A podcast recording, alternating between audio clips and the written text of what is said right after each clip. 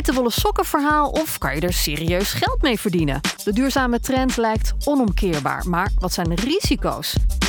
In deze podcast hebben we het over duurzaam beleggen. Doe je dat vanuit ideologie, voor het geld of misschien wel allebei? En hoe duurzaam is de beleggingswereld eigenlijk? Ik ben Hannelore Zwitserloot en in deze FinTalk podcast praten we met Judith Sanders. Hallo Judith. Hi Hannelore. Je werkt bij ABN AMRO Mees Pierson. Je focust je als beleggingsstratege op duurzaam beleggen. Kun je kort uitleggen wat het nou precies is, duurzaam beleggen? Ja, duurzaam beleggen is investeren in bedrijven die voorop lopen bij het vinden en behouden van de juiste balans tussen mens, milieu en maatschappij. Nou, dat is een prachtige definitie. Wat voor bedrijven zijn dat dan precies? Dat zijn bedrijven die er eigenlijk voor zorgen dat alles wat wij nu hebben in de toekomst ook beschikbaar is voor onze kinderen en ook voor onze kinderen, hun kinderen. Ja, heel belangrijk natuurlijk. Gaan we het zo uitgebreid over hebben. Ik wil beginnen met een paar dilemma's. Op fietsvakantie of met het vliegtuig naar de zon? Vliegvakantie. Ja? Ga je zelf. Uh... ja, oké. Duurzaamheid voor mens of voor milieu? Milieu. Investeren in grondstoffen of in zonnepanelen? Um, ja, voor mij is het overduidelijk zonnepanelen. Waarom? Um, omdat dat de meest duurzame keuze is. En ja, die bijdrage kan ik zelf leveren. Uh, maar ik wil erbij zeggen dat ik me ook heel goed kan voorstellen als mensen willen investeren in grondstoffen. Wat ik dan wel hoop is dat ze dan investeren in bedrijven die grondstoffen op de meest duurzame manier produceren. Maar waar we wel een beetje van af moeten is het mensen verplichten om dingen te doen. het moet een vrijwillige keuze zijn.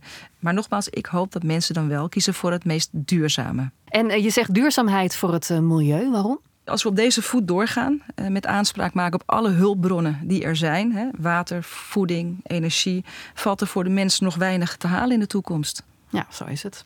Je bent beleggingsstratege. Krijg je nou veel vragen over duurzaam beleggen?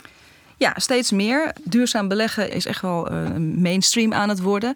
Uh, vanuit banken en verzekeraars zien we natuurlijk steeds meer dat er een verschuiving wordt gemaakt naar duurzaam beleggen. Dat er meer duurzame keuzes gemaakt worden. Uh, maar gelukkig ook vanuit de klant zelf komen er heel veel vragen over: ja, wat is het en hoe kan ik daar invulling aan geven? En hoe bepaal je nou of, of iets duurzaam is om te beleggen? Kijk je dan naar wat bedrijven wel of niet doen? Of, of kijk je naar een hele branche?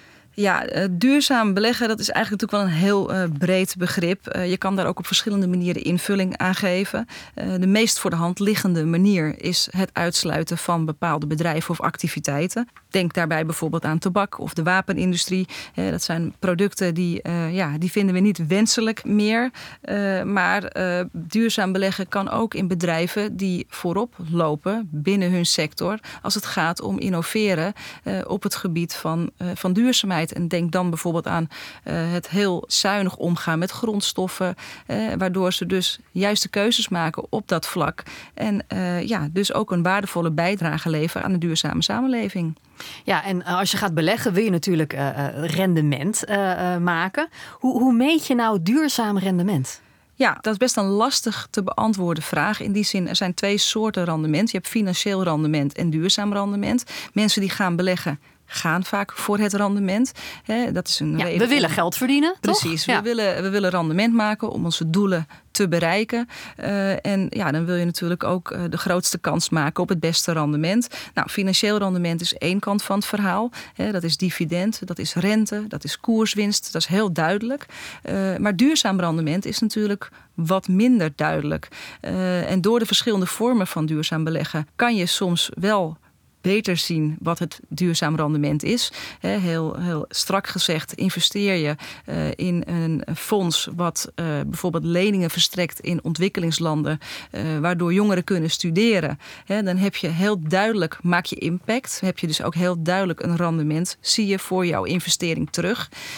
Maar ja, wat ik net ook al aangaf, sommige bedrijven maken stappen om duurzamer te produceren, duurzamer te leveren. Maar dat zie je dan niet altijd terug in je rendement.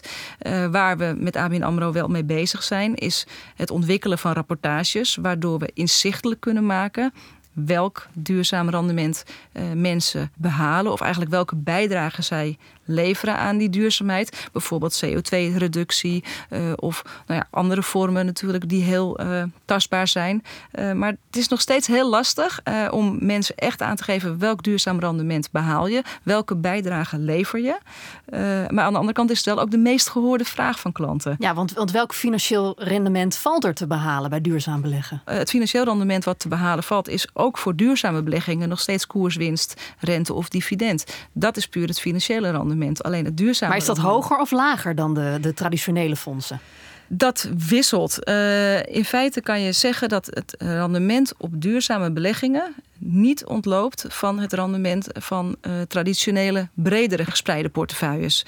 Uh, door de jaren heen wisselt het rendement wel. En dat heeft gewoon oorzaken in de zin van uh, wanneer je een duurzame portefeuille niet belegt in, in olieaandelen, wat natuurlijk redelijk voor de hand liggend is, hè, dan profiteer je in een jaar dat de olieprijs stijgt niet van de stijging van de waarde van het aandeel. Uh, dat is dan heel jammer, want een portefeuille die wel uh, in olie belegt, kan dan meer rendement behalen. Maar omgekeerd hetzelfde. Hè, op het moment dat de olieprijs onder druk ligt, of uh, we hebben weer te maken met een ramp uh, zoals we die in het verleden hebben gezien in de Golf van Mexico, hè, waarin een oliebedrijf forse claims krijgt en dus oliebedrijven ook uh, de koersen behoorlijk onder druk liggen, dan heb je daar geen last van in je duurzame portefeuille.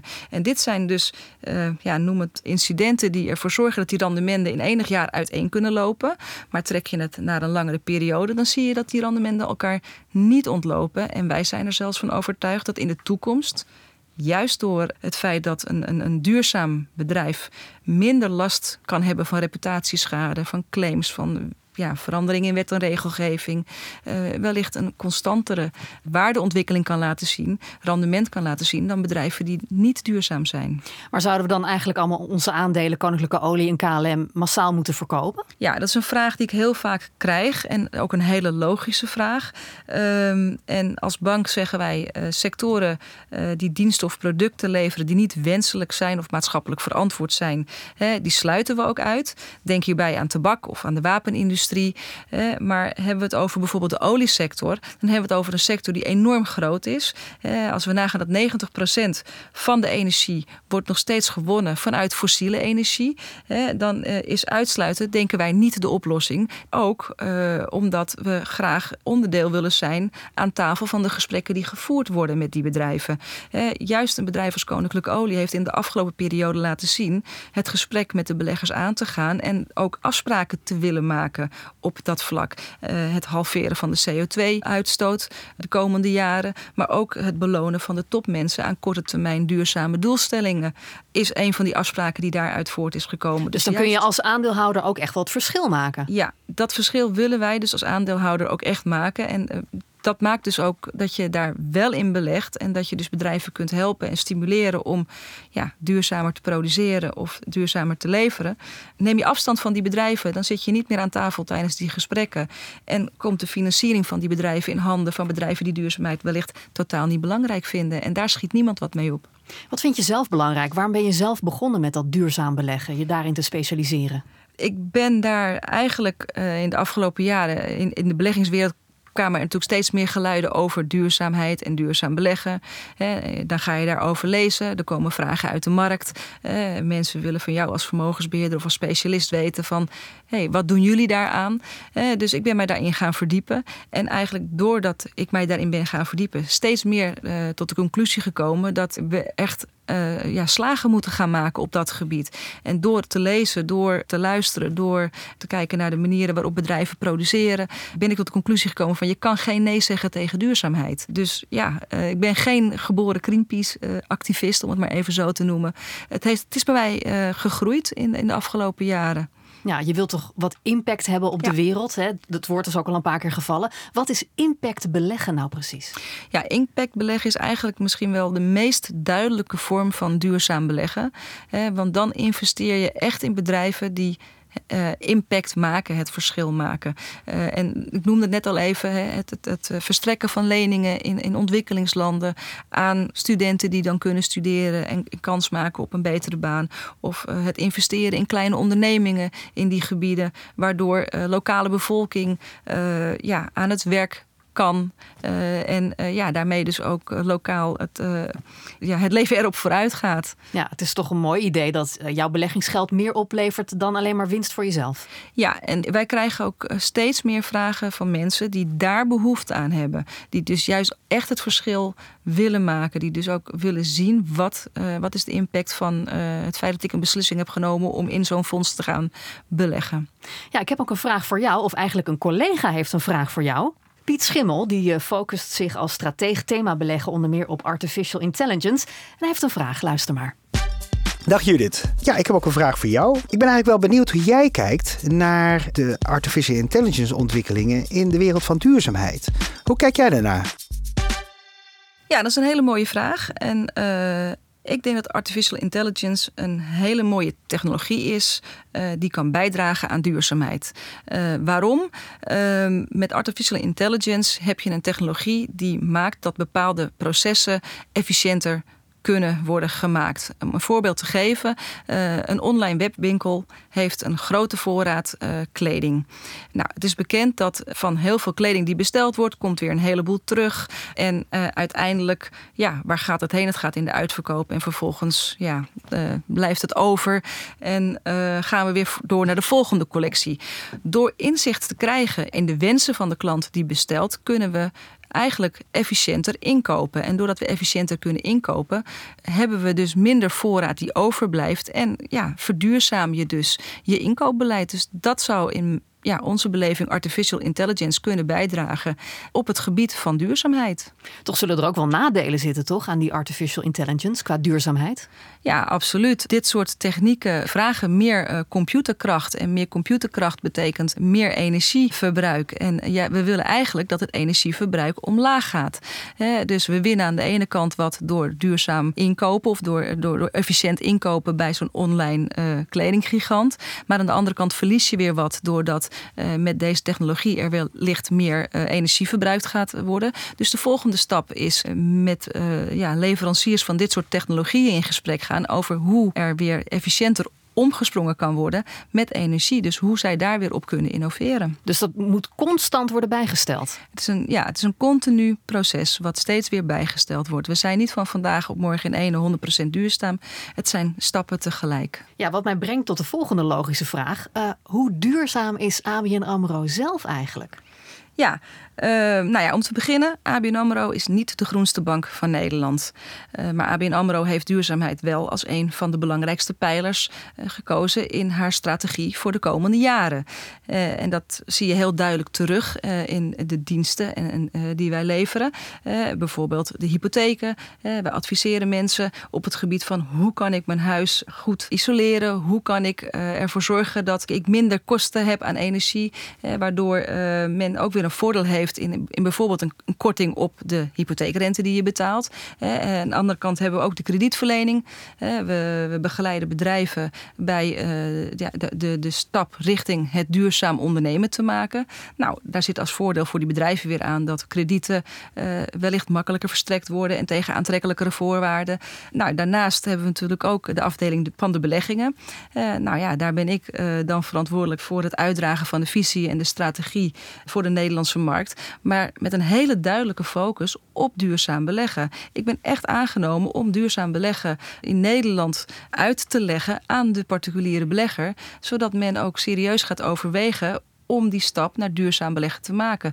Uh, beginnende beleggers bij ons krijgen automatisch duurzaam beleggen aangeboden. Hè, maar de grootste groep zit bij de beleggers die al jaren beleggen, die we willen bewegen om die overstap van klassiek beleggen naar duurzaam beleggen te maken. Ja, want waarom moeten mensen vooral nu duurzaam gaan beleggen? Ja, het is vijf voor twaalf. Uh, we leven in een wereld met een forse bevolkingsgroei, uh, een sterk groeiende middenklasse. Uh, de aanspraak die wij maken op water, op energie, op voedsel, die neemt enorm toe. En nog sterker, in 2030 hebben we 35% meer voedsel 40% meer water en 50% meer energie nodig. Uh, we doen dus meer aanspraak op onze natuurlijke hulpbronnen uh, dan Moeder Aarde ons eigenlijk weer kan leveren. Dus dat betekent dat we op zoek moeten naar manieren om die aanspraak te verlagen. En met duurzaam beleggen investeren we in bedrijven die ervoor kiezen om het gebruik hiervan terug te brengen. En die ook bezig zijn met alternatieven te produceren en te ontwikkelen, waardoor dat verbruik teruggebracht kan worden. Ja, ik zei het in het begin al, duurzaamheid lijkt wel een nieuwe Is het niet gewoon een hype die weer overwaait? Dat hoor ik vaker. Het uh, is geen gekke gedachte, want heel eerlijk, iedere dag als ik de krant opensla, staat er weer ja, ergens iets over duurzaamheid. Dus ja, uh, men krijgt niet onterecht het idee, het is misschien wel een beetje een hype. Maar als we de beweging in de financiële wereld zien, dan zien we dat 20 december uh, afgelopen jaar de pensioenfondsen goed voor 11 150 miljard beheerd vermogen eh, een convenant hebben getekend waarin ze afspreken om extra stappen te nemen op het gebied van duurzaam beleggen. Dus een enorm vermogen verschuift van de traditionele manier van beleggen naar duurzame beleggingen. En ik denk dat je dan niet meer kan spreken van een hype, maar echt van een, uh, van een beweging die, uh, ja, die je serieus moet nemen. Uh, en die ook in de toekomst, denk ik, alleen maar groter wordt. Ja, over impact gesproken. Wat, zijn nou de, de, de risico's van duurzaam beleggen? Ja, in feite zijn de risico's van duurzaam beleggen exact hetzelfde als van gewoon beleggen. Uh, want het is beleggen en een aandeel van een bedrijf uh, wat uh, duurzaam is, heeft misschien nou ja, durf ik ook wel te zeggen, zelfs wat minder risico dan een aandeel van een bedrijf wat niet duurzaam is. Ik gaf het eerder al aan. Uh, de risico's bij bedrijven die niet duurzaam zijn, uh, liggen hem in reputatieschade, liggen hem in claimgevaar, liggen hem in. Uh, veranderende wetgeving. Ja. Veranderende wet en regelgeving. En het feit dat ze ook uit de gratie raken bij de belegger. Want men wil duurzaam beleggen. Dus ja, als je het hebt over een aandeel A of aandeel B, dan moet ik eigenlijk zeggen: ja, ieder aandeel is een aandeel. Dus dat risico zou gelijk moeten zijn. Voor de toekomst denk ik dat aandeel D, het duurzame aandeel, het aandeel is met wellicht minder risico. Tot slot, wat is de belangrijkste tip van jou voor mij als ik wil beginnen met duurzaam beleggen? Doen. Ja, heel simpel. Uh, ga uh, in gesprek met de bank. We hebben inmiddels voor alle beleggers een propositie die passend is. Voor grote beleggers, maar ook voor kleine beleggers, beginnende beleggers. laat je informeren wat er op duurzaam beleggingsgebied te krijgen is. Het is veel en het gaat van lichtgroen naar donkergroen. Dus oftewel voor beginnen met duurzaam beleggen in bedrijven die goede stappen nemen, tot bedrijven die echt voor het duurzame rendement gaan. Dus echt voor het impact beleggen. Laat je erover goed informeren en zorg dat er een portefeuille komt die duurzaam is, maar die ook vooral aansluit uh, bij jou als belegger met jouw doelstelling, met jouw beleggingshorizon en jouw risicohouding. Helder, Judith, dankjewel.